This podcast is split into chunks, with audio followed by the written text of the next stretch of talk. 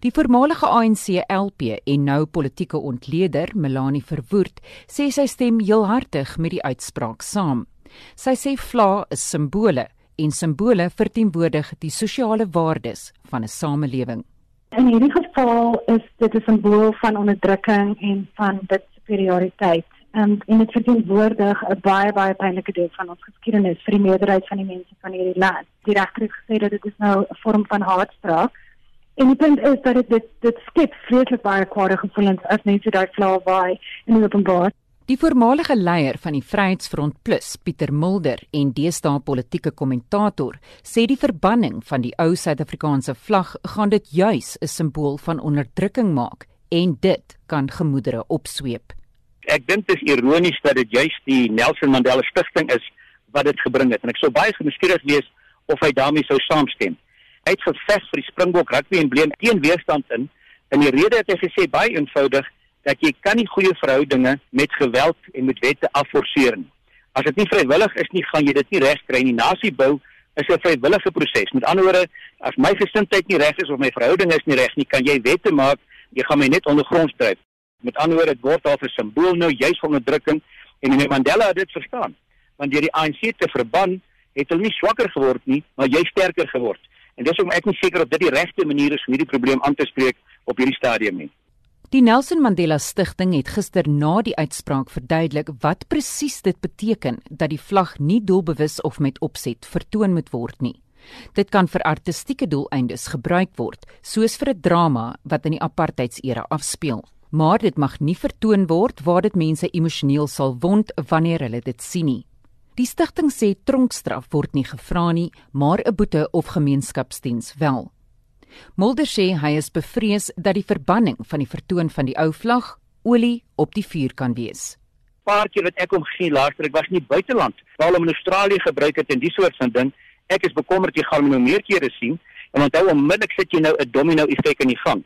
Die EFF het klaar gesê die volgende is die stem. Dis 'n belediging uiteindelik. Die Afrikaanse deel moet uit dan loop jy risiko. Dis wat in, in ander lande gebeur as hierdie soort van metode.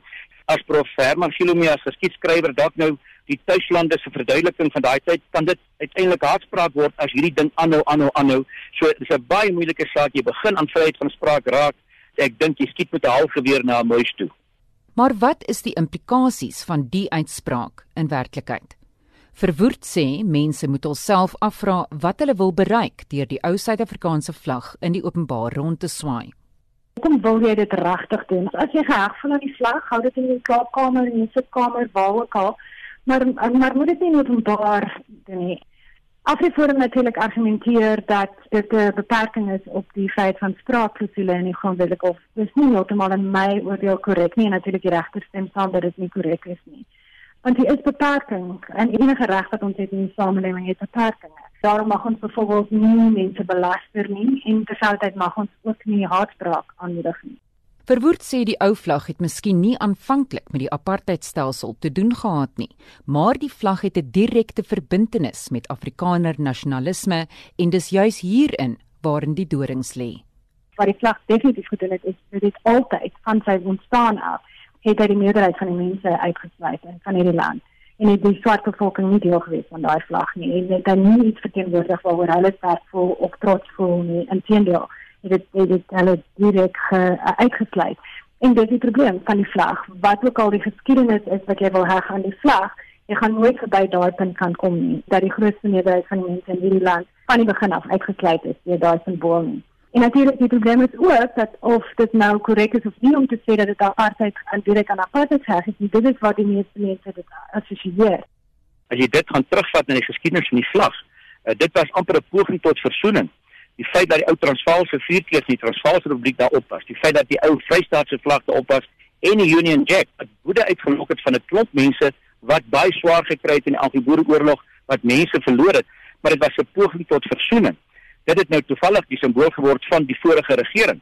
Maar om dit nou direk aan apartheid te koppel, uh, en dan sê ek ek, ek dink jy skiet met 'n groot kanon na na 'n klein probleempie uiteindelik.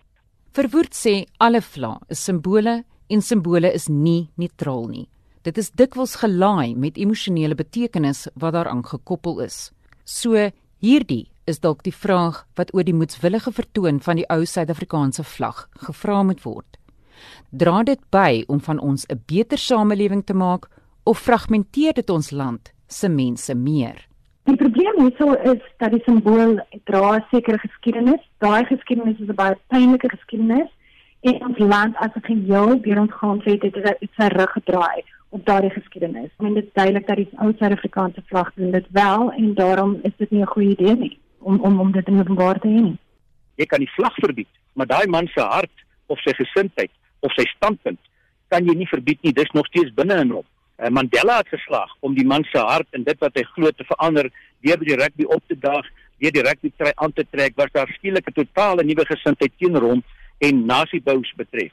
Maar jy die vlag wegvat beteken net die man wat hom geswaai het laas dink nou anders oor nasiebou nie. Ek is bevrees hy dalk nou verhard.